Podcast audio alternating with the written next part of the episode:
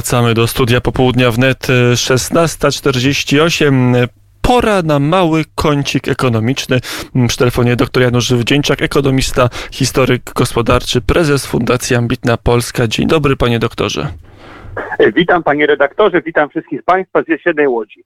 E, jesienna e, Łódź, jesienna Warszawa pozdrawia jesienną Łódź, tak samo jak pozdrawiamy Wrocław i e, Kraków. Zresztą w Łodzi kiedyś nastąpi ten moment, kiedy też będziemy mogli witać radiosłuchaczy drogą naziemną, ale tyle prywaty, czas do rzeczy ważnych. Rekonstrukcja w rządzie staje się faktem. Dzisiaj już prawie była wicepremier i prawie była minister rozwoju Jadwiga Emilewicz żegnała się z resortem, żegnała się ze współpracownikami podsumowywała okres swojej e, działalności, więc e, to może i my podsumujmy założenia tej rekonstrukcji, panie e, doktorze, bo w zakresie gospodarczym trochę się zmienia. Praca trafia do rozwoju, fundusze europejskie łączą się z Ministerstwem Finansów. Tych ruchów administracyjnych jest trochę, co one, zdaniem pana doktora, mają przynieść. Po, po, panie redaktorze, może zacznijmy od tego, y, czy one rzeczywiście są takie duże. Y, z punktu widzenia polskiej gospodarki, ja bym uznał je raczej za y, mniej, mniej, mniej, mniej znaczące. Bardziej są one ruchami politycznymi z mojego ekonomicznego punktu widzenia, z punktu widzenia właśnie gospodarki, z punktu widzenia także sektora przedsiębiorstw. Nie ma to zbyt duży, nie ma to zbyt dużego znaczenia. Jest to raczej kontynuacja kursu. Oczywiście pani Emilewicz odchodzi z rządu, ale na jej miejsce wchodzi pan e, premier Gowin, który był e, przez, no zresztą to na sama na podsumowaniu powiedziała, jej politycznym mentorem, tak więc tutaj będzie jakieś podobieństwo, najprawdopodobniej znaczna część e, współpracowników i znaczna część kursu zostanie utrzymana. Pan premier Gowin jest również bardzo doświadczonym politykiem, należy pamiętać, że teraz będzie pełnił urząd ministra już po raz trzeci, tak. E, więc, więc jest doświadczonym politykiem. E, minister finansów nie zmienia się, nie zmienia się minister infrastruktury, nie zmienia się co najważniejsze premier, tak, który tutaj jako były e, wielobankowiec, jako osoba z dużym dorobkiem właśnie w dziedzinie e, menadżerskiej e, interesuje się tymi procesami gospodarczymi. E, więc pytanie, czy, czy te zmiany będą takie, e, takie duże? No powiem szczerze, nie sądzę, żeby dla przeciętnego Kowalskiego to, czy fundusze unijne będą w Ministerstwie Funduszy, czy w Ministerstwie Finansów, ma takie duże E, znaczenie. Myślę, że po jako sam fakt pewnie nieduże, ale jako to, że środki europejskie odpowiadają za 2% polskiego PKB, no to ich racjonalne wydawanie w dłuższej zwłaszcza perspektywie dla każdego z nas i Jankowskiego, i Kowalskiego, i Wdzięczaka mogło mieć olbrzymie znaczenie. Ma, ale, ale y, z tego co nam wiadomo, to będą się zajmowały tym te same departamenty, które będą nie w jednym ministerstwie, tylko w drugim, tak?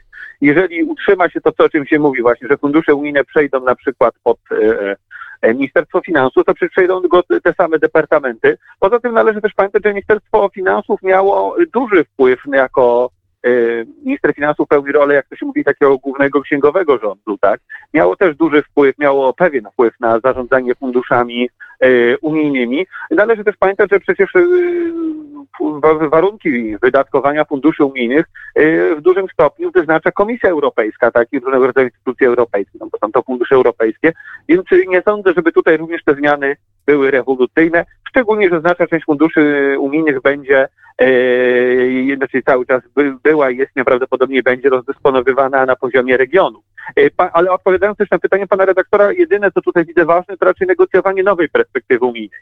Ponieważ obecnie kończy się perspektywa unijna na lata 2014-2020, pytanie właśnie, jak będą wyglądały negocjacje tej przyszłej perspektywy i myślę, że w tym kontekście może być to właśnie ciekawy aspekt. W tym kontekście radiosłuchacze Radia Wnet mają już całkiem sporo wiedzy, chociażby dlatego, że e, tym tematem zajmowaliśmy się niespełna pół godziny e, e, temu, więc już tej, tego powtarzać w naszej rozmowie, panie doktorze, nie będziemy, ale interesuje mnie, jeszcze wróciłbym do postaci Jadwigi Milewicz, bo ona była jedną z twarzy wszystkich instrumentów pomocowych, jakie rząd kierował do przedsiębiorców w czasie pandemii.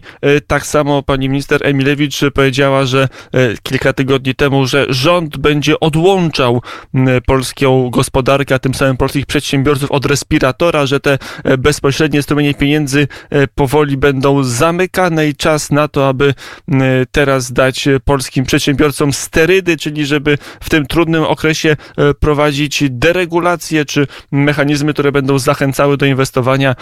Taką innowacją miała być ulga na robotyzację, chociażby zgłoszona przez panią minister Emilewicz kilkanaście dni temu. Te, od ta twarz rządu odchodzi. Osoba, która to wszystko kierowała, na ile Jarosław Gowin będzie gotowy, aby wejść w biegu w te wszystkie procesy rządowe, które się dzieją. E, panie redaktorze, po kolei, odpowiadając może na y, ostatnie pytanie jako pierwsze. Mm, myślę, że pan, pan, pan, premier Gowin przez wiele lat był najbliższym współpracownikiem, czy raczej pani Emilewicz była najbliższym współpracownikiem pana ministra Gowina. Y, tam bardzo wielu współpracowników prawdopodobnie pozostanie. Poza tym mówię, pan premier Gowin współpracował blisko, interesował się tymi kwestiami, jest doświadczonym politykiem, więc najprawdopodobniej uda mu się to ująć. Tak należy pamiętać, że był ostatnie pięć lat ministrem nauki, a wcześniej przez krótki okres był ministrem sprawiedliwości, gdzie zajmował się właśnie deregulacją. Więc, więc e, wiele osób wykonuje różnego rodzaju zawody, e, które były jeszcze kilka lat temu e, regulowane, tak, gdzie trzeba było zdobyć licencję i może je wykonywać, może wejść z pominięciem na przykład jakichś tam samorządów zawodowych i innych licencji, właśnie dzięki panu premierowi Gowinowi, więc na pewno tutaj doświadczenie ma. Pani y, minister rzeczywiście była yy, twarzą. Znaczy mówię, ja jeśli nie jestem politykiem, więc trudno mi ocenić, kto był twarzą, ale wiem, kto był kieszenią tej, tego programu. Była grupa Polskiego Funduszu Rozwoju. Tam z tego, co mi wiadomo, prezes się yy, nie zmienił. Tak? W skład tej grupy wchodzi Bank Gospodarstwa Krajowego, yy, który y, finansował w dużym stopniu. Tak samo jak Agencja Rozwoju Przemysłu wchodzi w skład tej grupy, która też finansowana przez sektor transportowy okresie pandemii, ciekawym rozwiązaniom leasingowym. Te, te, te, wszystkie instytucje działają i będą działać. A odpowiadając też na, na pierwsze zadane pytanie, czyli właśnie w którą stronę to pójdzie, no tutaj widzimy, że rząd y, odwołuje się do y, sprawdzonych i mamy nadzieję, że w tym wypadku też skutecznych rozwiązań, czyli pobudzania koniunktury za pomocą czy to właśnie rozwoju różnego rodzaju innowacji, yy, namawiania przedsiębiorców, stymulowania do rozwoju na innowacji, czy to za właśnie ulgą na robotyzację, czy tak zwanym estońskim CIT-em, a zarazem poprzez duże inwestycje publiczne. I szczególnie y, to drugie rozwiązanie tutaj jest, no, było w przyszłości wielokrotnie wykorzystywane, nie tylko w Polsce, tak? Y, najbardziej popularny prezydent Stanów Zjednoczonych, Franklin Delano Roosevelt, y, został tym prezydentem na wiele kadencji, dlatego, bo rozkręcił program, w czasie wielkiego kryzysu, program robót publicznych. Tak samo państwo polskie najprawdopodobniej teraz będzie stawiało na duże inwestycje. Mamy tak zwany Krajowy Plan Odbudowy, dość duże środki z funduszy unijnych. E, widzimy, że tutaj toczą się konsultacje na tym, jak te środki wykorzystać, na jakie inwestycje postawić, a musimy pamiętać, i tutaj warto się do słuchaczy zwrócić, że każda taka inwestycja, powiedzmy o budżecie miliarda złotych, to nie jest tak, że jakiś przedsiębiorca weźmie to do kieszeni, e, który to zrealizuje, tylko to są setki, jak nie tysiące miejsc pracy, stworzone w sposób bezpośredni albo pośredni. To są pieniądze dla dostawców, więc y, warto o takich inwestycjach myśleć. Mm, chociaż z drugiej strony, jeśli chodzi o inwestycje, pamiętam e, taki dokument już teraz zapomniany i zakurzony, nawet u mnie leży gdzieś tam e, w, w dalszym stosie e, książek już przeczytanych, czyli Strategia na rzecz odpowiedzialnego rozwoju, zwana w skrócie Planem Morawieckiego. Tam wskaźnik inwestycji na rok 2020 miał, był założony na poziomie 25% PKB i bez pandemii trudno byłoby to osiągnąć osiągnąć, a w czasach pandemii inwestycje tak. prywatne zwłaszcza e, e, szorują po e, dnie, co też... Panie redaktorze, ale muszę pana zaskoczyć, czy pan wie, że ta strategia jest cały czas aktualizowana? Więc tutaj miałem okazję ostatnio uczestniczyć właśnie w konferencji z przedstawicielami rządu i yy, radzę panu i wszystkim odświeżyć tą zakurzoną strategię. Strategia jest cały czas aktualizowana, jest dostosowywana, te prace się toczą. A ja myślałem, że to tylko legendy, jak ktoś mi mówił, że jeszcze jeszcze o tej e, strategii się pamięta, jeszcze ktoś ją w ogóle czyta i analizuje, a to okazuje się nie tylko legenda miejska, ale naprawdę gdzieś się spotykacie i ją jeszcze czytacie. Jak najbardziej. Y, Nie no, widzimy, że tutaj jest y, podejście właśnie takie bardziej menedżerskie w tych kwestiach.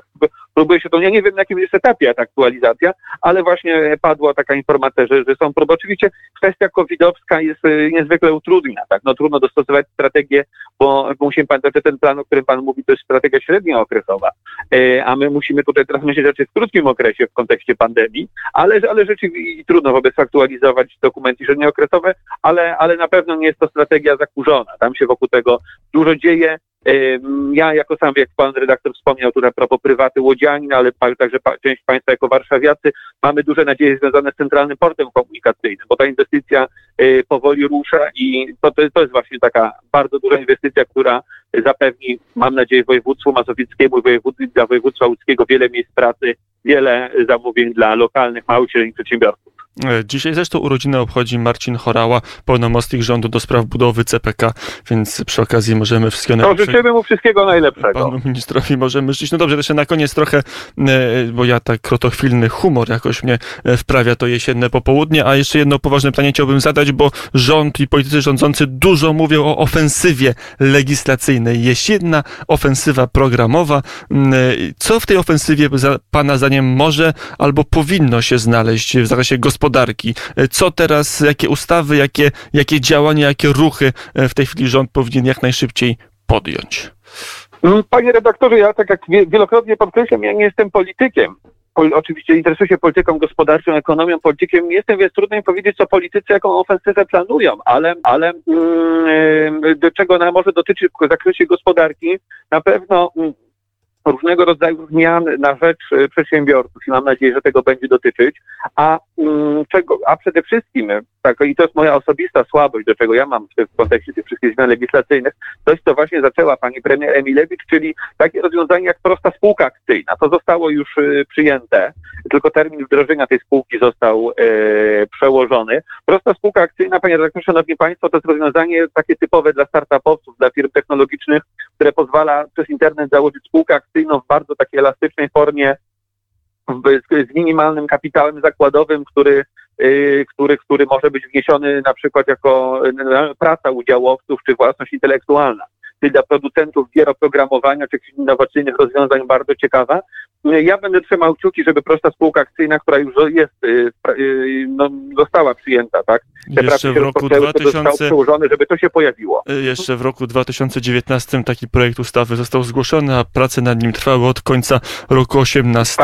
Zresztą też pilotowała to między innymi pani premier Emilewicz, wicepremier, a Tak. także wiceminister Mariusz Haładej, obecnie szef prokuratorii krajowej. E, Taki to był kiedyś zespół w Ministerstwie Rozwoju, teraz będzie pewnie co nieco inny zespół w kierownictwie, za czym jak to się będzie zmieniać. I Doktor Janusz Wdzięczak był gościem popołudnia wnet, ekonomista. Dziękuję bardzo za rozmowę. Dziękuję panie redaktorze, życzę wszystkim państwu miłego weekendu, miłego popołudnia. Do widzenia. Również panu doktorowi życzymy i miłego popołudnia, i miłego weekendu.